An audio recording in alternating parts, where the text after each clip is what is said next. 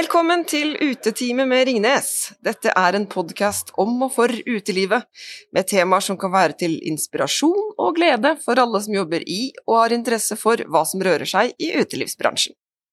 I dagens episode får vi møte Morten Gullvik og Aksel Steen.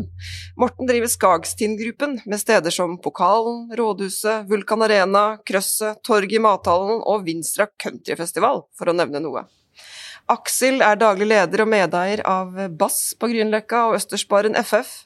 Og hvordan har de det nå, hva tenker de om veien videre? Vi får også besøk av Nina Solli, som er regionsdirektør for NHO i Oslo og Viken. Og hun skal si litt om deres arbeid med en recovery-plan for bransjen. Det kan se ut til at hun og jeg skal på byen sammen og ta en øl når ting åpner igjen. Hun gleder seg nesten like mye som meg, og det sier ikke lite. Med oss på telefon så har vi også dagens eh, kunde Og det er Mikael Tengesdal eh, og vi har tatt turen hele veien opp til Sandnes. Han äger bl.a. Melkebaren som er den første ølbaren i Sandnes Og han er deleier i en hel masse andre steder. Eh, han skal bl.a. også åpne et nytt sted i Sandnes sentrum i 2021 i dessa tider. Han har verkligen historier til inspiration. Det blir veldig bra sending i dag, eh, tror jeg, Hansi. Hei hopp. Så husk, alle som lytter på, lik og del med venner og kollegaer, og abonner så du får med deg de neste sendingene. Det er viktig. Og du vil ikke gå glipp av neste episode, hvor vi skal snakke med næringsbyråden i Oslo og høre hva de planlegger for gjenåpningen av bransjen. Hvem er så vi som sitter her og prater? Eh, jeg er så heldig å ha en legende innenfor øl, uteliv og islandsk dansemusikk ved min side. Hansi Tryggvason, daglig leder for Ringnes Brygghus og med mange års erfaring fra bransjen.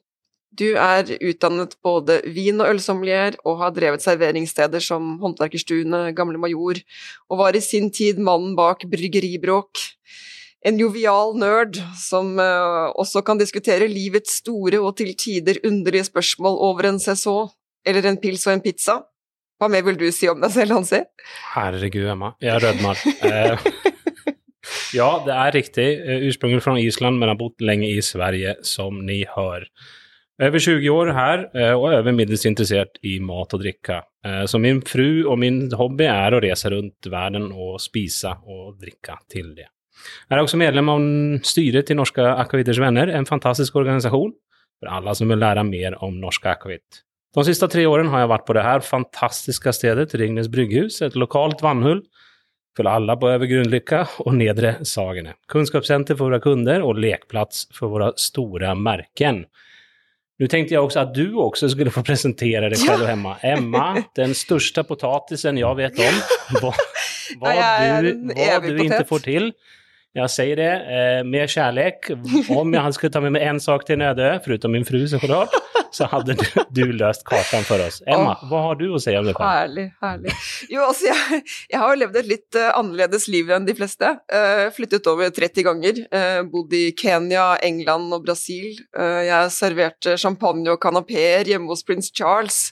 Bygget hotell i en hippielandsby i Brasil, for å nevne noe. de siste elleve årene så har jeg jobbet i Ringnes stort sett hele tiden med uteliv. Uh, og det var jo helt naturlig for meg, ettersom min aller første jobb var i garderoben på det da særdeles kule utestedet Dixon i Arendal. Og jeg hadde en hel del forskjellige jobber innenfor servering og uteliv til jeg slo rot i Ringnes. Og jeg er også da eh, veldig lidenskapelig opptatt av å lage og spise mat, og aller helst kombinere det med godt øl. Det syns jeg er utrolig gøy, og der har vi hatt en del samtaler hans i forhold til det. Eh, hjertet mitt brenner for utelivsbransjen, eh, og mest av alt for de fantastiske, kreative, engasjerte og dyktige menneskene som driver den. Og jeg syns jo det er utrolig gøy å få være med på å lage et aldri så lite bidrag til å samle og styrke en bransje som virkelig har fått gjennomgå det siste året. Så det var litt om oss 1-0 til Emma, det var jo ikke ja. hva du ikke har gjort, herregud. uh, og vi, vi, vet jo den utelivsbransjen har jo ikke akkurat hatt et godt år, uh, men det er lys i enden av tunnelen. Mm. Og i Ringnes så får vi en ukentlig koronatracker fra våre samarbeidspartnere innenfor Innsikt. Og den viser klare tendenser nå til at folk er rimelig lei. Mm. Folk er koronatrøtte.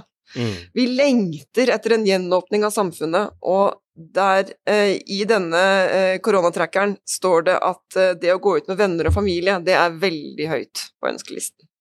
Og i siste måling så sier 42 av de- spurte at de vil gå oftere på bar og restaurant enn de gjorde før covid. Bare 14% sier at de kommer til å gå ut sjeldnere. Så folk er jo ikke skremt, de bare venter. Veldig spent. Uh, og mange ser jo for seg en reprise av The Roaring Twenties, uh, hvor vi slenger oss fra lysekroner, drikker champagne og danser oss inn i soloppgangen. Og tro meg, jeg er meget gjerne med på en runde med The Great Gatsby-type fester når, eh, når muligheten byr seg. Men så er det jo det som vi skal snakke litt om i dag. Eh, hva er det rent praktisk som vil skje? Hva planlegger bransjeorganisasjoner, hva planlegger de lokale myndighetene, og hva tror kundene på, ikke minst? Vi, jo, vi tenker jo alltid kunder først eh, i Ringnes. Og som eh, daglig leder på Ringnes Brygghus, hva tenker du, Hansi? Ja, det var mange saker her. Altså, jeg gleder meg masse til å, å se the, the Roaring Twenties i gatene igen. Ehm, jag har inte riktigt sett dem, alltså, jag, jag förstår vad folk tänker, att vi ska ut, vi ska möta folk och det har jag väl märkt väldigt starkt. Alltså, jag tror jag aldrig har pratat så mycket med främmande äldre folk nu för tiden. Eh, Minsta om man går ut med en cykel eller man går ut med en sex så ska de höra var, var kommer den ifrån, vad tänker du om det här? Självklart på gott avstånd och med munbind. Så jag, jag tror att folk saknar den här mänskliga kontakten. Men när det gäller att driva ett sted så må man ju fortsatt vara försiktig. För nu har vi liksom blivit brända några gånger och jag är väldigt optimistisk för vad som ska ske. Men jag tror att när vi får börja öppna så, så jag är klar för the roaring twenties, men jag är också försiktig när jag Yes. öppnar. Så jag kommer nog inte öppna med, med full styrka med en gång. Nej. Men det här vet ju många folk mer om och därför har vi med oss gäster, eller hur Emma? Jo, det har vi! Jajamensan. Det har vi. Uh, vi har da med oss uh, Morten og Aksel. Morten Gullvik fra Skagstinsgruppen. Du har jo da vært eh, sponsorsjef i Strømsgodset. Du, eh, du driver countryfestival på Vinstra og Seljord. Eh, du er en propell med en arbeidskapasitet som er helt enorm, ifølge de som kjenner deg godt, og er alltid full av energi. Du er ikke så lett å overtale og lar deg ikke lure, du, og du er en veldig smart fyr, men også åpen for å prøve nye ting. Det var den beskrivelsen jeg fikk av deg fra våre selgere. Eh, Aksel Steen, du er jo da den uh, sindige og rolige fyren i bass. Uh, en, som er da en kul, nytenkende hipsterrestaurant med høy kred blant bransjemennesker. Wow. Uh, beskrives som uh, den nye generasjonen driver i uteliv og skaper spennende konsepter, bl.a. FF, som er en østers bar, ifølge mine kilder.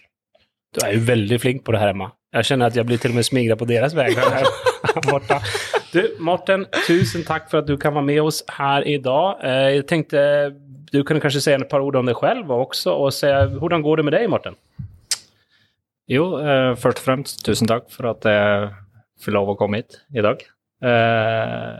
Eh, vi eh, Ja, jeg vet ikke om jeg klarer å helt toppe det som for, det, første deres introduksjon og, eh, og ja, eh, tusen hjertelig takk for eh, spenstige ord. Men eh, mitt navn er eh, Morten Gullvik, eh, daglig leder i Skagsen-gruppen. Vi driver eh, ti aktivitetsbaserte steder her i Oslo, og eh, som du nevnte, countryfestivalen på Vinstra, som er eh, en litt annen kultur igjen. Eh, og ja, hva skal man si? Det siste året har jo vært for oss som alle andre veldig spesielt. Eh, vi gikk vel inn i 12. mars i fjor med de to beste januar og februar som vi har hatt noensinne. Eh, full av optimisme og Eller skal vi si at i slutten av februar så begynte vi å høre på en måte at det, det viruset som kom fra Asia, begynte å kanskje bli litt mer eh, eh, virkelig da, for oss. Og selv om vi på en måte aldri kunne tro at det som skjedde, skjedde 14 dager etterpå. Men eh, Og så plutselig ble det bråstopp og måtte sende 150 mann ut i, i Nav-kø, så var jo det relativt tøft, kan man jo si. Eh, som det var for alle i vår bransje. Så, Og så gikk det jo et uh, par måneder, og så kom det jo på en måte litt optimisme igjen, og sommeren kom, og selv om man ikke på en måte fikk lov å drive sånn som man egentlig hadde ønska å drive, så kunne man jo i hvert fall drive for halv maskin og kunne få folk tilbake i jobb. Og i hvert fall for vår del så var det sånn at når man så det vi klarte å ha i omsetning sammen med det vi fikk hjelp av staten, så klarte vi å få det til å gå sånn noenlunde rundt i en del måneder. Mm. Og så kom jo starten av november igjen, da. Det var jo en virkelig bråbrems som kanskje var, for, for vår del, enda tøffere enn den første runden. Mm. Eh, for eh, da hadde jo man på en måte Ja, det hadde jo gått nesten et år, så, eller i hvert fall åtte-ni måneder uten at man måtte ha vært oppe til full speed. Så da Og så én ting er jo eh, på en måte bedriftens økonomi, det er jo og styring, det er jo på en måte kjipt, det, men eh, det at man liksom må sende folk ut for andre gang i permittering med eh, Vi er jo en bransje som eh, på en måte på lønnsskalaen ligger på et relativt nøkternt nivå, som gjør det at folk trenger den lønna de har. Da. Og det er klart at når du da skal ned og begynne å vet at du må sende ut folk, at de sitter igjen med 60-70% av det, så er det dritkjipt. Mm. Ja, jeg er helt enig. Så, men nå skal det jo sies da at vi eh, vi har jo også drevet og utvikla oss litt i den perioden her, så vi skulle jo egentlig ha åpna et svært nytt sted eh, nede på Telegrafen, naboen til Sten og Strøm forrige uke, faktisk. Mm. Eh, jeg har fulgt med på den åpnings... Uh, ja, så ja. det er jo et uh, Det var jo et gigaprosjekt for vår del, som mm. har på en måte vært under planlegging en god stund nå. Men mm. Og samtidig så skal vi i tillegg åpne en irsk pub midt i Karl Johan i starten av juni. Som forhåpentligvis da blir uka før fotball-EM, hvis ting går som planlagt. Så, så oppi vi er jo i en sånn paradoksal situasjon der på ene sida så er det liksom bekmørkt og kjipt, mens på andre sida så har vi på en måte nye prosjekter som gjør det at vi kan i hvert fall sysselsette noen av våre ansatte som er med å utvikle de prosjektene. Og sånn sett så er jo vi litt i en særstilling i forhold til veldig mange andre. Mm. Så det må vi jo liksom være litt takknemlige for også, da. Eh, men eh, ja, det er jo rart og annerledes og Ja, det er jo det er som det er, men vi får bare vi er jo veldig positive når vi på en måte tenker andre halvår og vi ser på liksom de arrangementsstedene våre, både når det gjelder eventer og konserter, vi driver jo en del med det òg, at det er jo en voldsom positivitet eh, også blant på en måte kunder, konsertarrangøring, næringsliv, event, de, på en måte ting som, folk som skal gjøre ting, mm. men fra august-september og utover. Ja. Eh, og det er jo på en måte bra. For én ting er jo liksom vaksinen som vi prater om, men en like viktig ting er jo at, eh, at, folk som dere prater om, også er klar, sånn at ikke vi får et etterslep der vi liksom blir stående i et litt vakuum. Eh, og vi ser jo En ting er jo de stedene vi har, og som mange har, som der, du, der du skal gå ut fra dag til dag. Der kan du jo åpne i morgen, så kan gjestene komme. Mm. Mens vi driver jo også noen steder der det er arrangementer som på en måte må planlegges en del i forveien. Mm. Eh, så det er jo godt å se at på en måte de også er veldig på ballen for andre halvår 2021. Man må våge å tro på fremtiden. Ja, ja. Så, så, så, det, så, vi er jo i den troa at vi andre halvdel 2021 tror vi blir vår beste noensinne. Vi, vi håper i hvert fall på det. Mm. Bra. Eh, og hva med deg, Aksel? Eh, hvem er du, og hvordan står det til? Nei, ehm, jeg er Aksel, da. Aksel Steen. Jeg er fra, her fra Oslo. Jeg driver som sagt Bass og FF. Eh, og ehm, jeg er egentlig utdannet jurist, men havnet i den bransjen her gjennom ehm, over Oslofestivalen for noen år siden, faktisk. Så bestemte jeg meg med min venn eh, Torstein å, å starte. Eh, det føles ikke ut som en god idé akkurat nå, men, men det har vært veldig bra, i hvert fall. Så vi håper vi får tilbake den følelsen. Nei, altså historien som Morten forteller, er ganske lik som egentlig den vi har hatt det året her. opp og ned, frem og tilbake. Sommeren var bra. Akkurat nå kanskje det er på en måte mørkest fordi vi får høre hele tiden at vi er nærme noe, men samtidig så føler jeg ikke det. Eh, nå Senest i dag så var det noe tull med noen vaksiner, så hver gang man leser noe sånt, så bare havner man rett eh, på, tilbake til start igjen. Men eh, i likhet med Morten så, så har vi også valgt å starte noe nytt. da. Eh, starter en pizzasjappe rett ved siden av Bass her. Så vi prøver jo å finne litt eh, positivitet i det, eh, og har takeaway gående. Men eh, eh, ja, man må bare prøve å tenke positivt. Men eh, vi, trenger, eh, vi trenger at det skjer noe her for at det skal bli eh, få tilbake godfølelsen. Jeg husker følelsen jeg hadde når jeg startet Bass. Jeg har ikke den følelsen når jeg startet et nytt sted nå. At det var like spennende, og nå er, nå er vi nærme drømmen. Så jeg håper den kommer, men eh, nei, det er, det er, det er vanskelig. Hva tenker du skal til nå for at eh, bransjen skal komme seg opp igjen? Nei, Dessverre så handler det jo veldig mye om økonomi det her, da. Så det er jo penger som må inn på en eller annen måte eh, for at folk skal komme seg opp igjen. Så gjestene våre er jo de viktigste. eh, det viktigste at de kommer. Eh, for- vår del så er énmeteren, siden vi bare har tre relativt små steder, så er jo denne énmetersregelen ganske avgjørende for hvordan det går. Vi kan nok greie å komme oss greit gjennom 2021 med énmetersregelen. Nå ser jeg veldig mørkt på det her, men vi er jo avhengig av at folk kommer mann av huset, at folk er fleksible, f.eks. på restaurantbooking og litt sånn tid. Eh, det har jeg tro på. Jeg føler at vi har mye medfølelse fra venner og bekjente, og at vi har, folk ser at det har vært tøft for vår bransje. Ikke bare restaurant, men også uteliv, eh, og ikke minst kultur, scene og sånne ting. Så eh, jeg har tro på gjestene våre. Jeg har det. Bra. Jag har vært og spist på Bass og det er fantastisk mat altså. Jeg jobbet på Sult som var Ja. tidligere bredvid där alltså. Det Jag er der vi åpner pizzasjappe. Presis. Jeg, jeg kjenner virkelig at liksom, det som Sult var i början, det er klart at litt modern take på det der, men hvilke fantastiske småretter. Ja, så jeg, jeg gleder meg stort til å, til å komme tilbake dit. Ja, det gjør jeg òg. Ja. Morten, eh, jag har ju varit på dina ställen också och det är ju stämning i fokus. Alltså klackarna i taket och vill jag fistbumpa så, så, har- så vet jag vart, jag vart jag ska gå. Og det vil du ofte, anser. Du, you don't know, Emma. You don't know. Jag, jag tänkte, vad, hur, hur, vilka förväntningar har du till genåpningen med, med de ställena som du har? Ja, eh, godt spørsmål.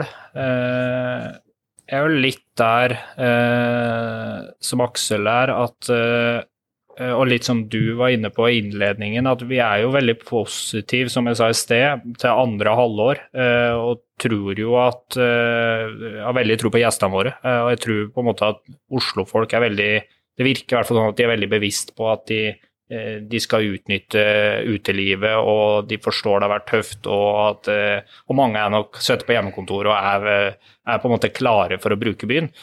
Eh, Så, så når først restriksjonene er over, eh, så er jeg veldig positiv og har veldig tro på det.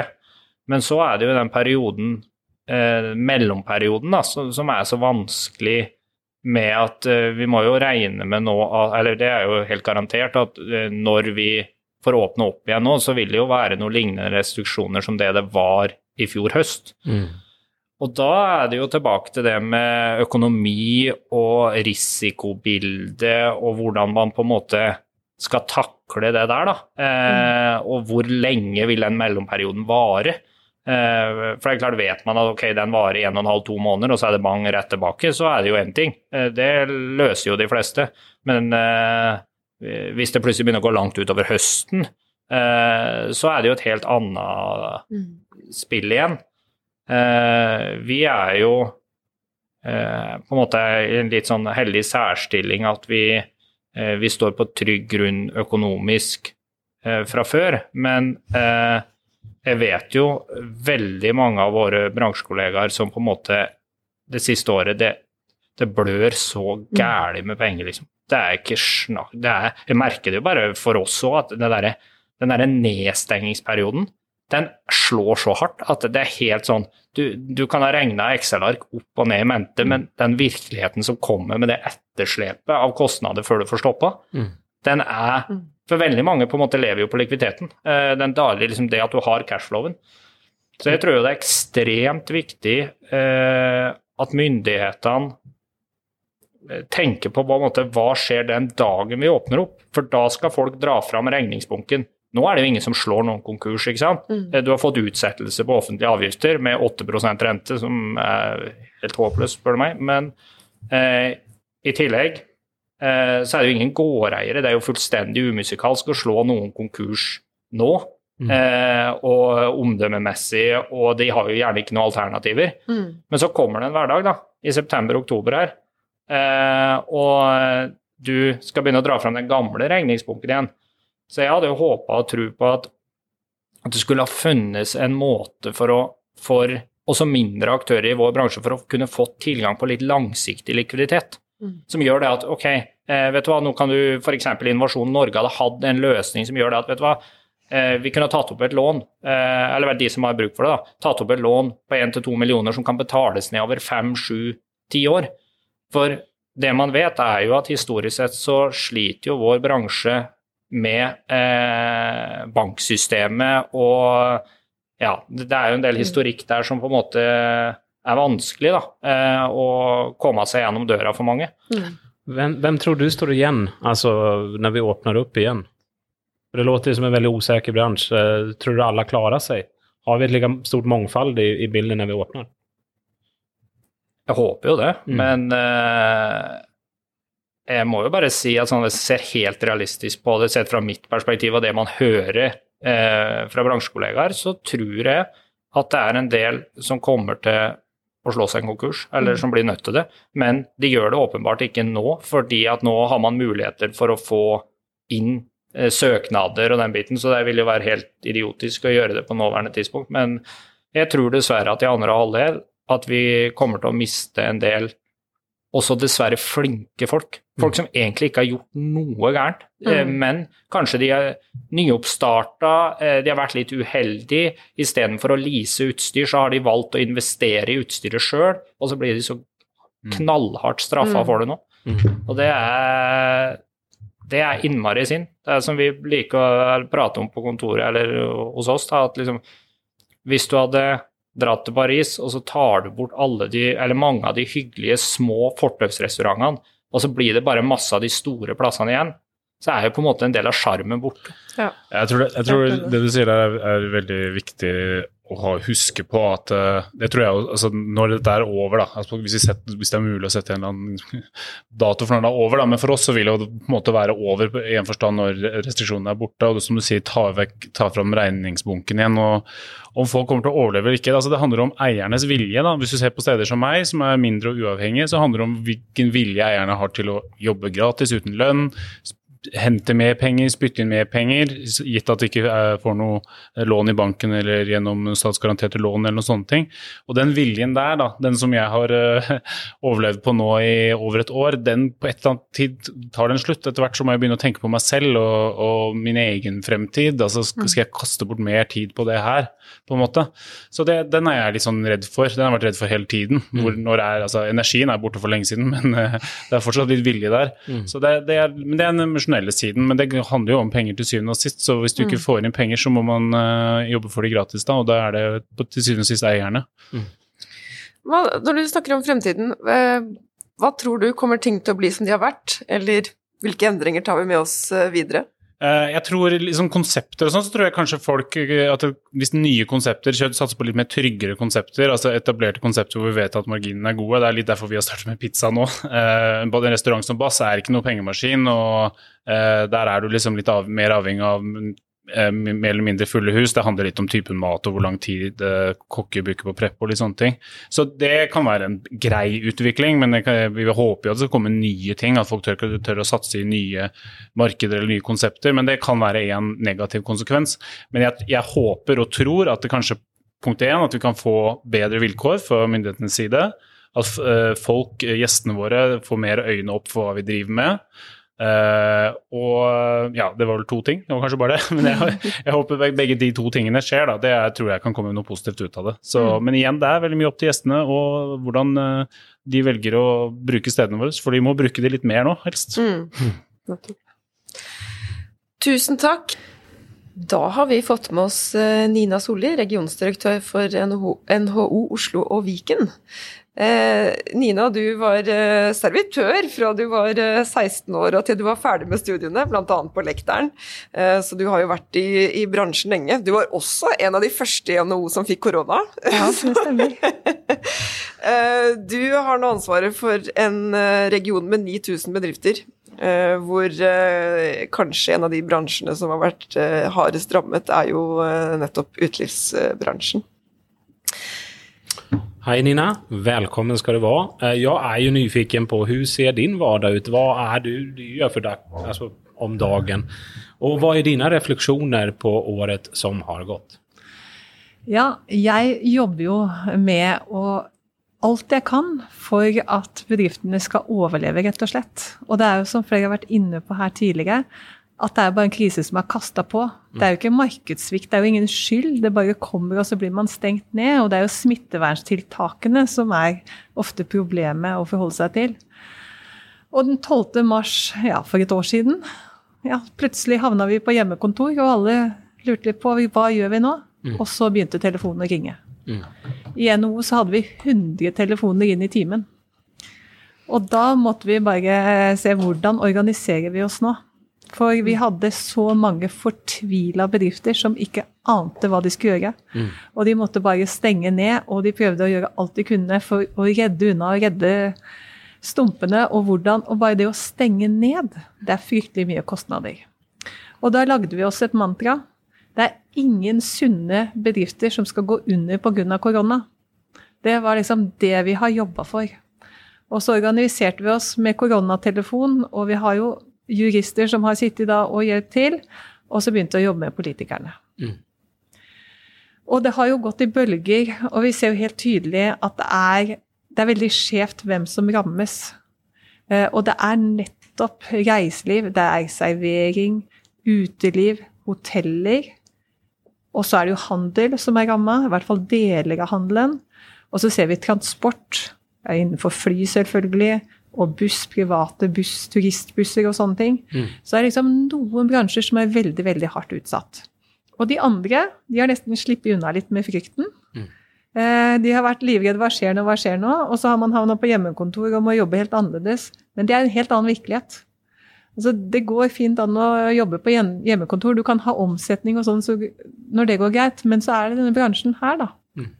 Der kan du ikke sitte på hjemmekontor. Eh, og de er ramma på en helt annen måte, så de må ha ekstra hjelp. Og det er det vi har jobba for. Og hvordan hjelper man? Alltid er det noen som faller utenfor. Eh, Vi har jobba mye med en bred kompensasjonsordning, så man kan få dekt de kostnader som man må ha. Og så ser vi jo det nå at utfordringen er jo det å stenge ned, og så vurdere om man tør å åpne opp igjen. For det her har vært i dialog, ni har vært i dialog med bransjen samtidig for, for å jobbe ut en plan da, eller? Ja. Jeg, nå, jeg jobber jo eh, med politikk og rammebetingelser på tvers av alle bransjer. Mm. i NHO-fellesskapet. Og så jobber, er det jo NHO reiseliv og NHO service og handel, NHO transport og logistikk. Det er jo de bransjene som er hardest utsatt. Eh, Bilbransjen var også det en stund. Så vi jobber jo sammen med disse bransjene. Og mitt ansvar er jo å jobbe med politikerne eh, i kommunen, Mm. i fylket, og også de politikerne som vi har på stortingsbenkene, på Oslo-benken, på Akershus-benken. Eh, Jeg har kollegaer over hele landet som gjør det samme, så vi jobber jo egentlig med politisk påvirkning på alle nivåer. Og det har vært helt nødvendig. Mm. Og det vi har gjort, da, er at vi har spurt bedriftene, eh, sendt spørreundersøkelse gang, Noen ganger så gjorde vi det hver uke. Mm. Fordi ting endra seg fra uke til uke, og det tenker jeg mange har kjent på også. Og det har vært veldig verdifullt. For da har vi i hvert fall kunnet kommunisere situasjonen. Og vi spør om, eh, om man planlegger permittering, planlegger oppsigelse, eh, hvordan vurderer man eh, likviditeten, hvordan har omsetningsfallet vært de siste fire ukene, eh, og risiko for konkurs. Mm. Og det har gitt oss god temperaturmåling og eh, god ammunisjon når vi har jobba med politikerne for å få bedre rammebetingelser. Mm. Og det har vært eh, døgnet rundt, for å si det sånn.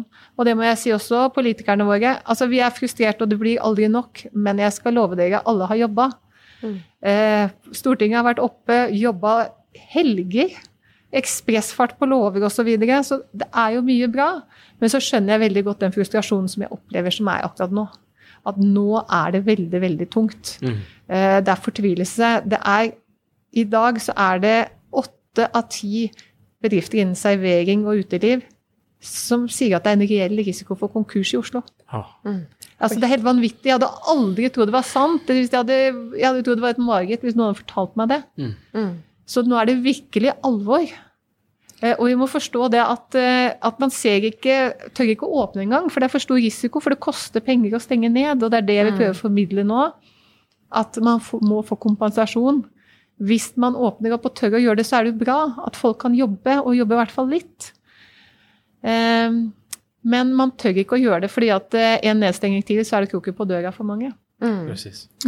I UK så har de jo lansert en recovery plan for, eh, for uteliv- og serveringsbransjen. Er det til, til inspirasjon for Norge og Oslo-regionen? Er Liksom, hvordan, hvordan skal vi sørge for at bransjen får god vind i seilene når, eh, når smittesituasjonen snur og tiden er moden for en gjenåpning?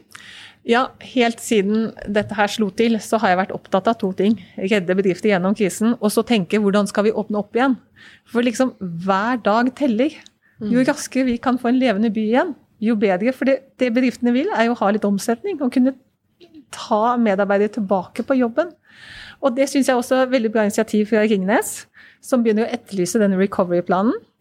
Og det viser jo også at en reiselivsnæring i krise, den har ringvirkninger i verdikjeden. Og det er også Mm. viktig budskap til politikerne.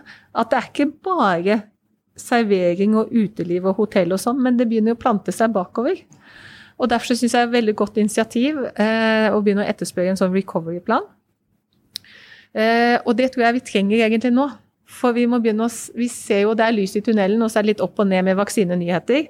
Men vi tror jo på en sommer med en levende by i Oslo. Og da må vi jo planlegge for det. fordi vi kan jo ikke ha det sånn at eh, åpningen blir kasta på oss akkurat som stengingen. Det går an å forberede noe her. Eh, og så har jeg sett litt på den recovery-planen eh, for London. da. Eh, og der er det jo veldig mye miks av nasjonale tiltak og lokale tiltak. Og noe av det jobber vi med hele veien, og det er jo akkurat det vi hørte eh, bedriftene si før her også. Det handler om likviditeten. Det handler om eh, redusert moms, i hvert fall ut året. Og at det, disse utsatte regningene Man kan ikke ha en rente på 8 Det er jo ingen som tar 8% rente nå, så det, det er helt eh, usannsynlig høyt. Så det jobber vi også med. Men alt som egentlig kan utsettes av skatter og avgifter, det har vi jo fått til. Og så er det jo å jobbe for kanskje litt ettergivelse, da. Mm. For vi ønsker jo å ta vare på disse bedriftene som vi har. Eh, Det er jo mange flotte perler som er viktig å ha i bybildet, som vi alle, som dere sa innledningsvis, vi gleder oss jo til å gå ut og oppleve eh, disse stedene. Det blir jo kanskje en sånn ketsjup-effekt hvis vi er virkelig heldige. Eh, Og da må det jo være folk på jobb, da. Jeg tror hun prater om 20-talet her nu igjen. The jag, tror, jeg, jeg, tror- jag tror det var 20s, ja. ketchup Ja, ja, ja, eh, 20-talet ja, de pratade om. Jeg tror jeg er en av de som virkelig venter og er med på den festen. Ja, altså. ikke sant? Hvordan hur, hur du at vi skal sørge for at, at vi drar i samme retning? Eh, og hvordan ser du for deg en, en prosess her i Oslo eh, med en slik recoveryplan? Eh, hvem vil du ha med deg på lag? Ja, eh, en god utfordring fra Ringnes. Eh, det ga meg jo et, eh, en god anledning til å ta kontakt med næringsbyråden. Ja. Hatt møte med dem i dag, faktisk. Ja.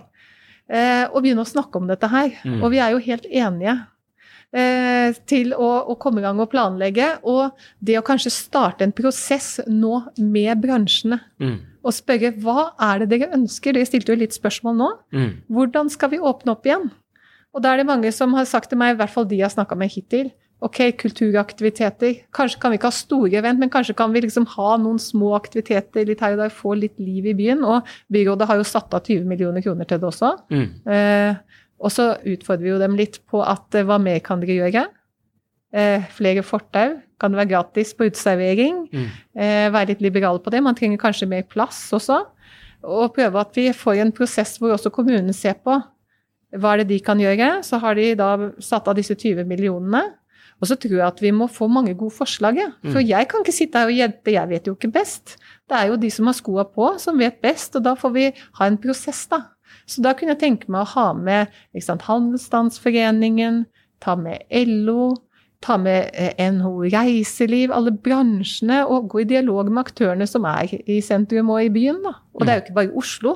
Dette gjelder jo egentlig alle byer. Eh, Vi må jo ha en plan for gjenåpning. Og så tror jeg mye på den derre kommunikasjonen. og Det er mange som har sagt til meg at de gruer seg til pressekonferanser. ikke sant? hver gang Raymond Johansen skal holde en pressekonferanse, eller Erna Solberg, så sitter folk og gruer seg fordi de ordene som de bruker, det har en betydning for kundene. Mm. Altså Det kan rase inn av avbestillinger bare på et feil bruk av ord. Mm. Så det første jeg ønsker meg, er at vi slutter å kalle Oslo for et episenter for smitte. Vi må aldri si det ordet mer. Vi må begynne å framsnakke Oslo.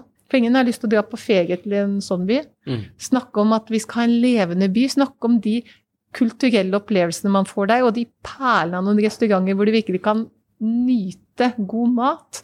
Og det å gå ut på en pub og virkelig kose seg med venner, det er jo de bildene vi har for oss. Det er det vi ønsker å gjøre når vi kan komme litt tilbake til en ny normal. da. Mm.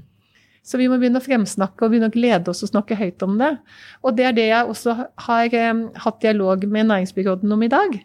Kan vi begynne å fremsnakke, kan vi begynne å snakke om den planen? Begynne å be om innspill Mm. og jobbe med den.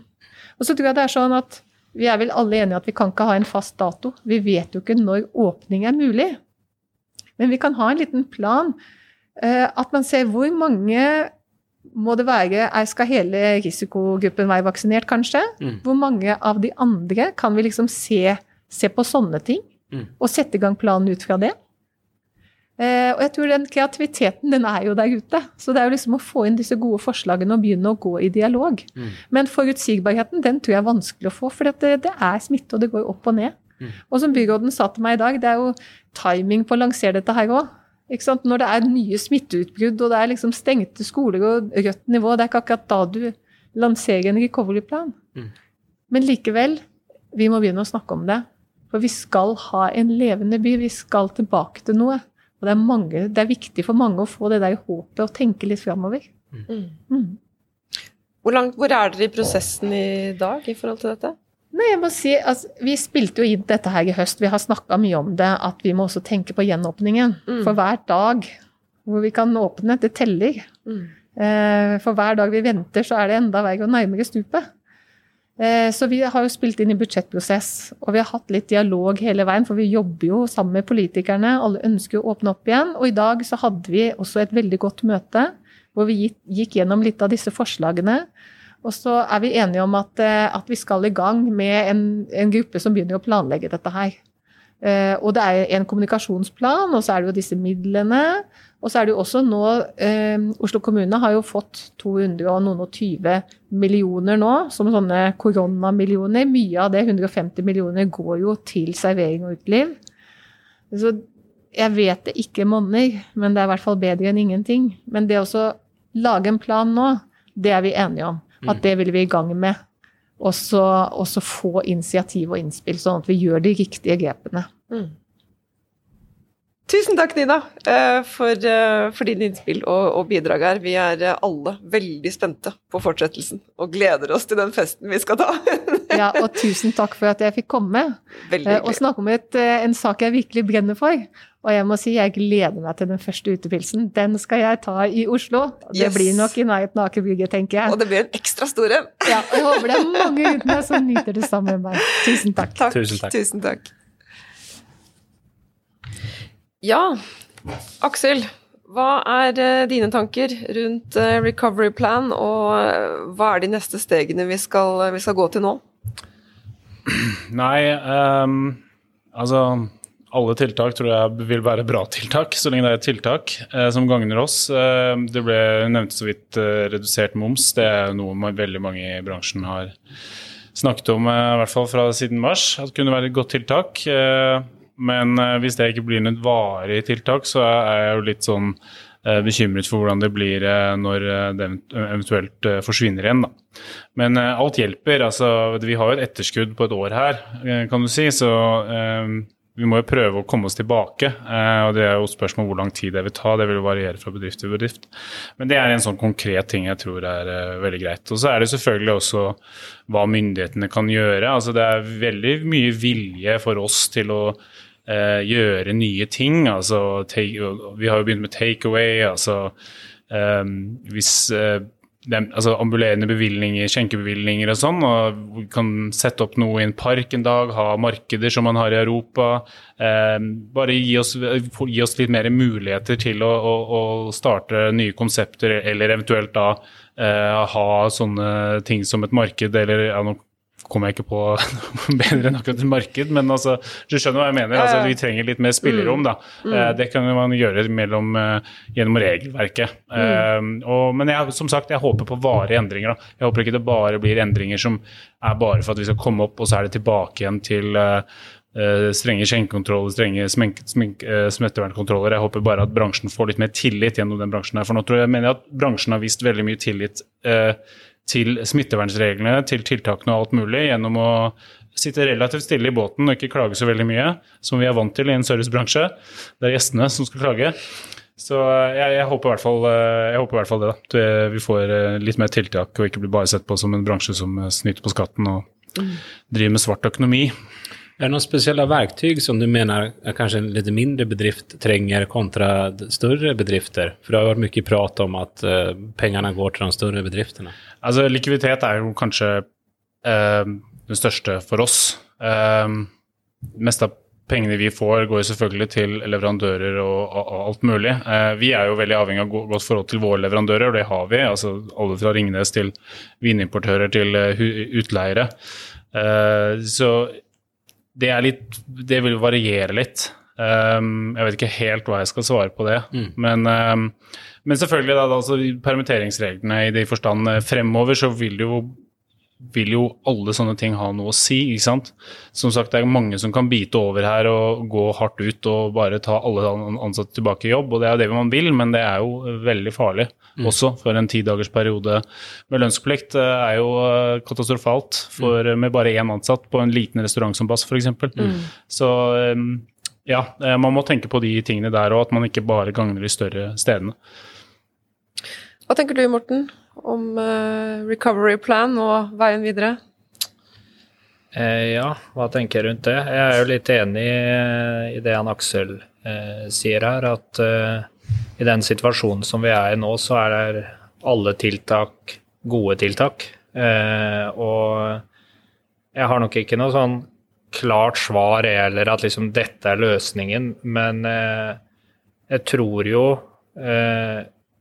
at på en måte en ting er jo som han Aksel sier, det med at det er viktig at det ikke bare blir kortsiktige tiltak, men at, eh, at nå at man ser på en måte langsiktig for bransjen vår, at man tar med bransjen på råd.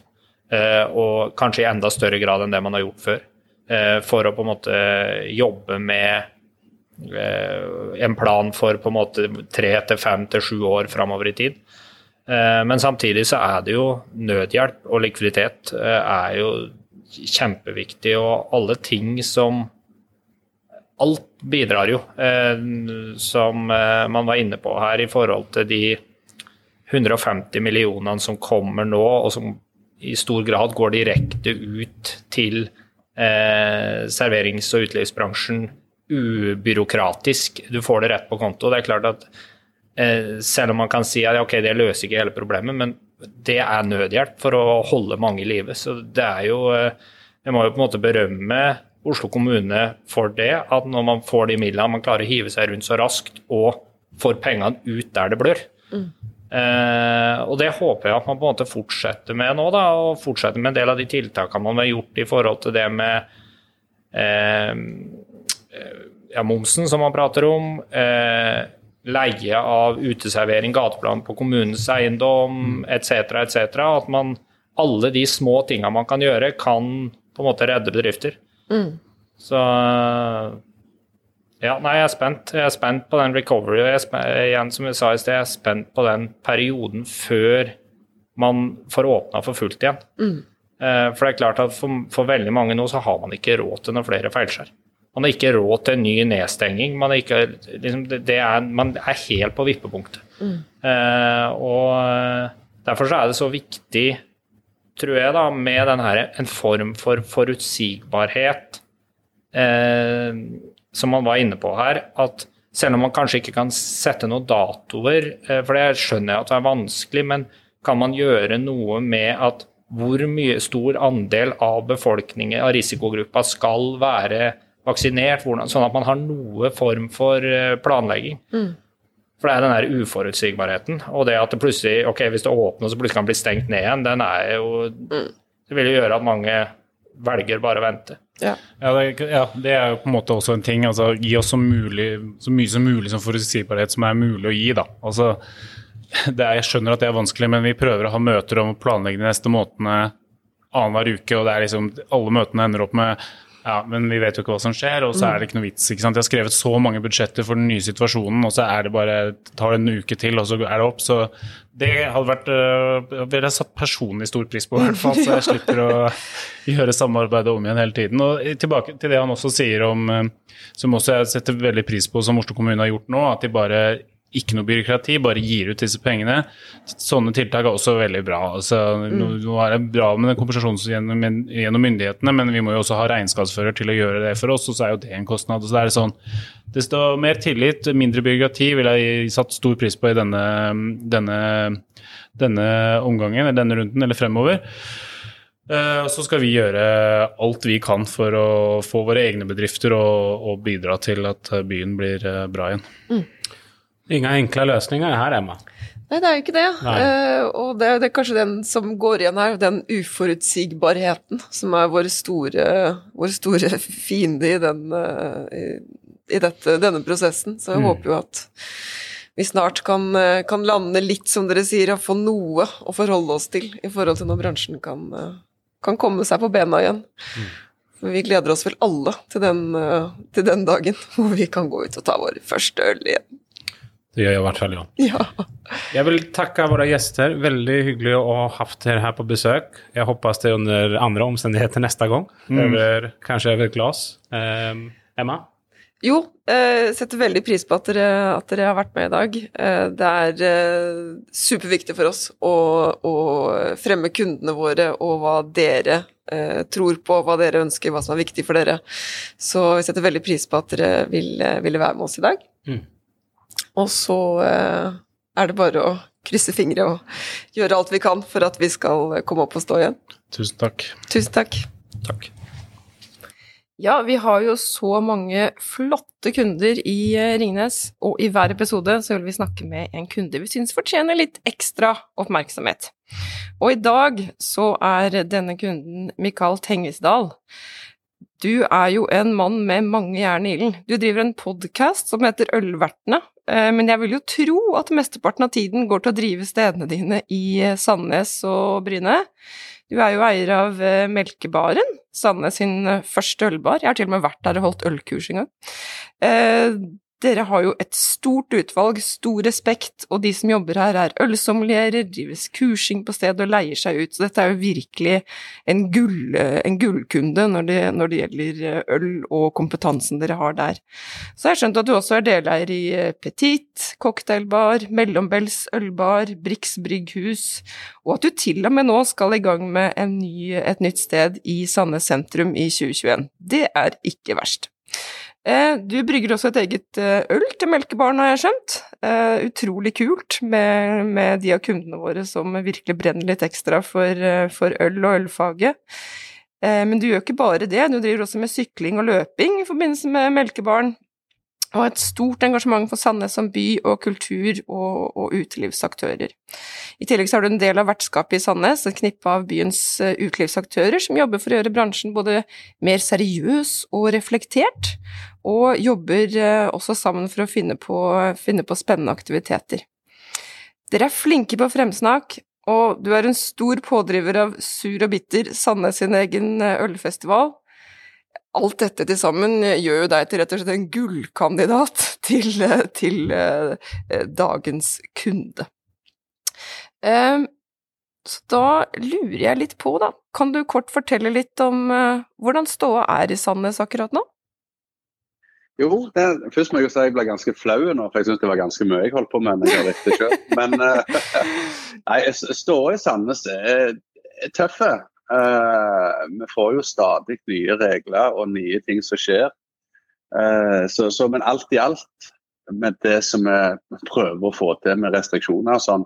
Jeg, bare, jeg har vanvittig medlidenhet med det som skjer i Oslo, som har vært stengt siden slutten av oktober. Men, men Mm. eh, det er tøffe tid, men jeg syns bransjen som du nevnte med vertskapet, hvor vi står samla så godt vi kan i denne byen, og, og nå fikk vi akkurat noen midler av, av kommunen. Vi fikk ikke midler direkte, sånn som mange andre byer, men vi fikk det til vertskapet, så vi prøver å bygge opp og lage mye gode ting for byen. Så, Mm. så det, det ser spennende ut framover, men jeg, jeg, vi frykter jo på hva som kan skje de neste 14 dagene, f.eks. Så, Mm. så Jag har ju också hört en, en hel massa om det og veldig gode ting og om Melkebar. Men jeg tenkte, i dine egne ord, kan ikke du fortelle oss litt om din bakgrunn?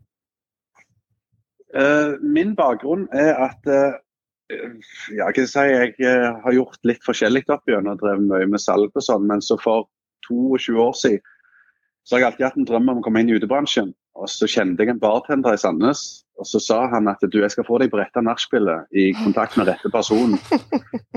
og vi kom inn på det nachspielet, jeg husker jeg var på Klepp, som er litt sør for Sandnes, og der sitter han som jeg skal jakte etter. Så jeg setter meg bort med han og sier hva jeg har planer om å drømme om. Og det gjorde at vi kjøpte et go-kartsenter som vi gjorde. Jeg sa jeg kjøper meg inn på en betingelse at vi selger, så jeg kan kjøpe meg pub etterpå. Og da gjorde det som at jeg var med og starta den første puben i 1999. Og, eh, og fire år etterpå med deg, så sa jeg jeg skal aldri mer inn i den drittbransjen. Jeg er ferdig for alltid. vi var litt uenige om veien videre, og det var litt shortcut som jeg ikke var fan av. Og så hoppet jeg av, fant ut jeg må gjøre noe annet, og så gikk det et halvt år. Så ringte vel mentoren i bransjen, han er dessverre død nå, så ringte han og sa du, jeg har et nytt prosjekt på gang. Og da var de på han igjen, og det var da Melkebaren. Mm. Uh, og så var det vel i 2007 så, fant, så, så jeg ned på en, en pub i Ebeltoft i Danmark og lurte på hvilken vei vi skulle gå videre på Melkebaren. med Vi sleit. Mm. Vi var nesten konkurs da. Så sa jeg vi tar tilbake drømmen min jeg var 18 år. Da likte jeg øl veldig godt, altså. Men i den tida likte du 50 forskjellige pils og trodde du hadde erobra verden. Mm. Eh, så da drakk jeg ei Ebeltoft IPA, og da sa jeg dette er framtida vår. Så dette var 2007, litt tidligere enn mange andre ølbarer. Da var det Kardinal i Stavanger som liksom var plassen. Mm. Og jeg tok kontakt med Tom, som eier Kardinal, og spurte om jeg kunne få en kaffe med han. Og sa at jeg har lyst til å gå i hans fotspor. og trodde jo jeg skulle bli slakta, men han sa dette var litt gøy. Og så har det tatt litt av. Eh, vi har i dag 300 ølsorter, iallfall. Eh, 31 tappelinjer. Vi har seks mann på huset som er utdannet innen det som sier ølsommelier, eller som jeg sier på Sandnes, ølkelnere. Det er Mm. litt, sånn, litt enklere ord på det. Så, så, og på den reisen da, så har jeg jo fått de andre plassene som jeg har vært med på, eh, bl.a. Mellombels, som skulle være en liten miniversjon av Melkebaren. Eh, og så var det meg og Ola som var med på Mellombels oppstarten. Vi, kom på den ideen på Nærbø ølfestival for mange år siden. Og hadde en drøm om en bryggeripub, så ble det Briggs brygghus. Mm. Og da var vi så heldige at vi tok en studietur til Oslo. Vi traff Jeffrey på Amundsen. Mm. Og han åpna vel de dørene som var for at vi kunne komme inn og se rundt forbi på de bryggeripubene som da var i, i Oslo, for å, å se på alle feilene vi burde unngå. Ja. Og har vært en fantastisk reise. og Når, når jeg blir leina opp med så mange ting jeg er med på, så føler jeg jo ikke det sjøl. Jeg føler jeg har all verdens tid i verden til å gjøre nye prosjekter hele tida. Men som resten av Norge så går jo jeg første klasse i koronaskolen. Og der føler jeg at det er nye eksamener hver uke. Mm. Så, så det, det, det, er, det er litt av et team oppi. Så, så, men men eh, jeg, jeg, er så heldig at jeg er inne i verdens beste bransje. Jeg er kanonheldig som har hatt Ringnes som leverandør for meg nå i 20 år. Uh, og jeg kan hylle den tekniske avdelinga i, i regionen Stavanger herifra til månen og, og hele apparatet rundt det. Så, så jeg er heldig til å være i en bransje som er så fantastisk at alle spiller hverandre bedre, og det syns jeg er vanvittig gøy. Herlig. Du, ja, det kommer ju inte gratis det där med att ha 300 ölsorter. Jag har ju drivit några ställen själv så jag vet att bara få ruljansen på det här. Och så har du ju också startat de här ställena mitt i den norska ölrevolutionen. Så, så jag, jag, jag, kan känna igen lite av de här, tankegången och, och det, du har, det du har varit med om. Men det verkar lite som du är liksom tidig ute och, och ser saker som rör sig i branschen. Hur, hur håller man sig uppdaterat och relevant? Når det starta, så, så, så litt sånn som du òg har erfaring med, så vet du at det kom jo nye mailer fra alle leverandører i hele Norge hele tida. Mm. Men jeg leste mye amerikanske ølblad. Jeg følte at hvis jeg så mot USA og København, så trodde jeg at jeg var tre år framfor tida. Uh, og jeg husker jo i Sandnes så var det jo veddemål om tid vi skulle gå konkurs når vi begynte å satse på øl, for ingen forsto det. At du hadde jo, Det var jo kun tre øl i Norge. Det var Tau, Carlsberg og, og Hansa, liksom, CB eller sånn i den regionen. Så øl er litt mer enn pils, men det forsto ikke bransjen. Og de hadde veddemål at nå går Melkebanen konkurs, for dette er det ingen fornuftige folk som holder på med. Mm. Men, men, så hadde jeg trua på det, og vi har jo kursa folk fra tidlig stund av. og, og jeg, for meg så er det ikke forutsett tid, for meg så er det full av hjertet. Det som jeg brenner for, det jeg lyst til å gjøre, og så glemmer jeg litt at det er en virkelighet der ute. Uh, så, så, det er det, Kall det, kall det dette. vi, er drømmere, tror jeg. Vi, og det, det, vet jo dere òg som holder på med, med dere har bryggeristove og alt sånt. Klart at dere er et stort firma, men, men dere har jo samme utfordring. Dere skal selge ut øl. og Brooklyn kommer med fem nye øl, dere skal line de opp og så selge de ut. Og, og, Det er en utfordring hele tida med å holde det ferskt, dette. Ja, ja. Så... Du, jeg vet ikke om du er medveten, men det her er jo vårt første avsnitt av vår podkast, men du er litt av en sånn rutinert podcastare. Eh, kan du, kan du gi oss hvilke reaksjoner har du fått av å starte din egen podkast? Veldig gode, faktisk. Uh, veldig mye av ølfolka ute i Rogaland har vært veldig å hylle oss på dette her. Mm. Og så har jeg vært litt heldig at vi har en som heter Jørn Nidar Kvik, som sitter i Oslo, som både skriver ølbøker og har egen ølpod. Mm. Han har vært flink til å korrigere hvis det er noen faktafeil. For jeg er ikke så redd for å trø litt feil, og jeg vet at det er mye av sånne beer geeks, ølnerder, tikkere og alt det der som alltid skal kritisere uansett hva vi gjør. Da er jeg vel litt jeg bruker ikke så mye energi på de som kritiserer oss, jeg bruker heller energi på de som kan gjøre oss bedre. Mm. Uh, og jeg har en lokale brygger uh, som er brygger på et, et, mindre bryggeri i Norge. Så, så jeg òg driver mellombelselag med, så jeg har med på podkaster for å ha litt balanse mellom brygging av øl, og jeg liker mer den der med historien rundt bryggeriene. Mm. Uh, så, så, så, vi får mye gode tilbakemeldinger. Alltid noen kritiske, men de, de vet vi alltid er der uansett hvem vi gjør for noe. Ja, men, men gøy er det. Jeg, har, jeg, har, jeg hører det. Jeg hører at ni har det gøy når ni spiller inn det, og jeg har begynt å lytte på noen avsnitt, og jeg, jeg skal garantere at fortsette å lytte på Ølvertene, heter det for dem, for dem som vil fortsette å lytte på det. Eh, vi må, det er uunngåelig, og jeg tenker på korona. Eh, året 2020 har vært et tøft år, spesielt for uteliv. Hva tenker du for bransjen eh, framover? Eh, hvordan ser det ut? Altså, jeg, jeg, jeg, jeg sto sjøl nede i Spania når det smalt dette. Vi sto på hull 12 på en golfbane. og uh, Det ringer på klokka hele tida. Så var det litt irriterende, for det forstyrret oss. Jeg opp, så hadde jeg 25 så hadde andre på 17 meldinger. Så trodde jeg noe sånt dødt hjemme. Mm. Mesten så var det jo ganske nærme, da. Men så ringer barsjefen, og så ringer han og sier vi må stenge alle fem barene i dag. Så sier jeg nei, det går vi ikke med på. Så jeg ring til ordføreren. Dette, det går ikke an sånn. For da, Det var så fjernt, og angrep er det beste forsvar. Ja. Uh, og, uh, og når vi spiller ferdig golf, jeg tom for strøm med alle telefonene vi hadde etterpå, for det var full panikk. Ja. Og Dagen etterpå tok jeg en springetur. Uh, og De som jeg reiser på tur med, de driver også firma innen byggebransjen. Og når jeg kom tilbake etter springeturen, så sa jeg det. Jeg tror jeg skal være litt glad. Vi stenger ned nå og minimerer utgiftene. Vi tar tapene. Men dere som driver i en bransje som ikke vet om dere får betalt regningen om fem, eller tre måneder, to måneder, sånn, hvordan det går. Mm.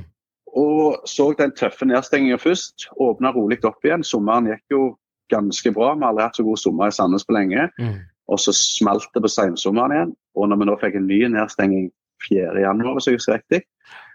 Så jeg har vært veldig positiv hele veien og sett veldig mye lys i tunnelen. Men, men, akkurat nå tror jeg det er tøft, og jeg er redd vi får en ny nedstenging uh, etter påske. Uh, jeg må bare frykte litt det verste. Men, men når vi blir ferdig med det, og hvis vi slipper mer hiccups med de vaksinegreiene, så tror jeg vi kan få en knallbra sommer. Mm. Uh, jeg ber regjeringa på knær om å droppe den spiseplikten annet for å spare, så vi kan begynne å konsentrere oss om det vi er gode til. Mm. Ikke minst vi er veldig flinke til alt smittevern, og jeg synes bransjen bør få mer respekt for det vi er gode på. Men så tror jeg de som kommer seg gjennom sommeren, jeg er redd for de som har utsatt både skatt og moms og sånn, og at eh, med 8% rente så allerede kjempedyrt i seg. At eh, jeg er redd til vi kommer til å se noen konkurser. Eh, jeg tror det er uunngåelig. Men for oss som kommer oss gjennom stormen, tror jeg kan få et meget bra siste halvår i 2021, tror jeg. Ja. Du, jeg, jeg er enig med så mye du sier her, men jeg, jeg tenkte vi skulle avslutte på en sånn oppnot her, og jeg har hørt tales om nye eventyr i Sandnes i ditt hjerte. Og jeg, har hørt at det her nye stedet eh, det skal fokus på en plass der folk skal møte oss. Kan ikke du gi oss en ny eller mental bild på denne framtiden, på det nye utestedet? Hele clouet Jeg er veldig sånn eh, jeg, må se ting føre meg for å kjenne på det. Så når du går ut døra til melkebarene og går ned i gata til venstre, Mm. så ser du mye fine lys. Flott uteservering, og der er det en lang rød løper. Mm. Store vindusfasader med utrolig innbydende plass. Du blir møtt med et smil, for det er viktig for meg. Alt det order og bestille på bordene. Jeg vil at bartenderen skal være i fokus. For bartenderen er et fag hvor vi skal sette kunden i fokus. Mm. Og Når du kommer inn der, så skal du kjenne at det er her du har lyst til å treffe vennene dine. Det er her du treffer vennene etter en shoppingtur, men det skal være veldig åpent og omgjengelig for alle. Det skal ikke være for ølnerder eller cocktailene. Det skal være der så alle kan treffes over god øl, god vin, god drink. Men det skal være et samlingssted Mm. hvor folk i Sandnes skal sitte og ha det gøy i lag og, og kjenne at det, vi føler vi sitter i København eller Oslo i lille Sandnes. Det er jo der de gode konversasjonene kommer over borden. Jeg vil jo si eh, tusen takk. Det har vært eh, utrolig eh, hyggelig å få prate med deg. Jeg vil si god påsk, så klart, eh, når den tid eh, kommer. Um, og så, og så, jeg har jo dessverre ikke vært i Sandnes. Eh, någonstans jeg virkelig vil åke til, og gleder meg både til å se til, til Melkebarn og andre. Ehm, Et siste lite spørsmål. Hva, det første gangen du kan eh, gå på byen igjen etter at ting har åpnet, hva blir ølet du drikker da? Det første ølet du skal ta når du er ute på byen? Skal jeg ta det første ølet jeg kommer på når jeg kommer ut på byen, så Yes. blir det nok ei Stone IPA. Det er det som i dag har blitt en gammelmannsjipa, men det er litt hist historiebyggende øl for meg. For Tidlig i oppstarten så var Stone IPA liksom en av den wow-ølene. Nå er det nesten ikke de nye ølelskere, vet ikke mest, ikke det, men for oss, eller for mange av oss holdt på med øl i mange år, syns vi at Stone IPA en god, gammel IPA som er magiske. Den er fin, fin, den. Ja, jeg føler meg gammel når du sier Jeg snakker med to ølnerder der. Du, tusen, tusen takk for, eh, for tiden din. Eh, Vi ser frem til et spennende 2021 og håper at vi snart kan få komme på besøk til Sandnes og teste alle ølsortene i Melkebaren. Skal vi satse på det, Hansi? Det blir en bra kveld, det. det, det, kan, det kan bli en tøff kveld. Så jeg må si tusen, tusen takk for at jeg fikk lov å komme og, og fortelle litt om, om meg og min historie. Dere er begge hjertelig velkommen til Sandnes, og så skal jeg ta dere med på en runde. Bra, vi kommer. Tusen takk. Tusen takk. Fantastisk. Hyggelig. Takk sjøl. Hei.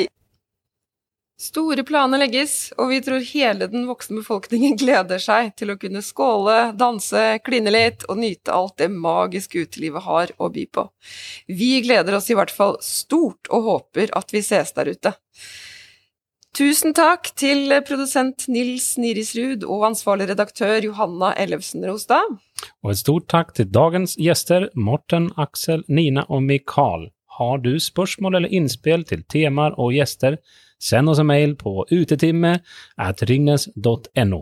Vi er snart tilbake med bl.a. Næringsbyråden fra Oslo og spennende gjester fra utelivsbransjen, så følg med! Og tusen takk for i dag. Husk lik, dela og abonnere. Tusen takk for oss! Hei, hei!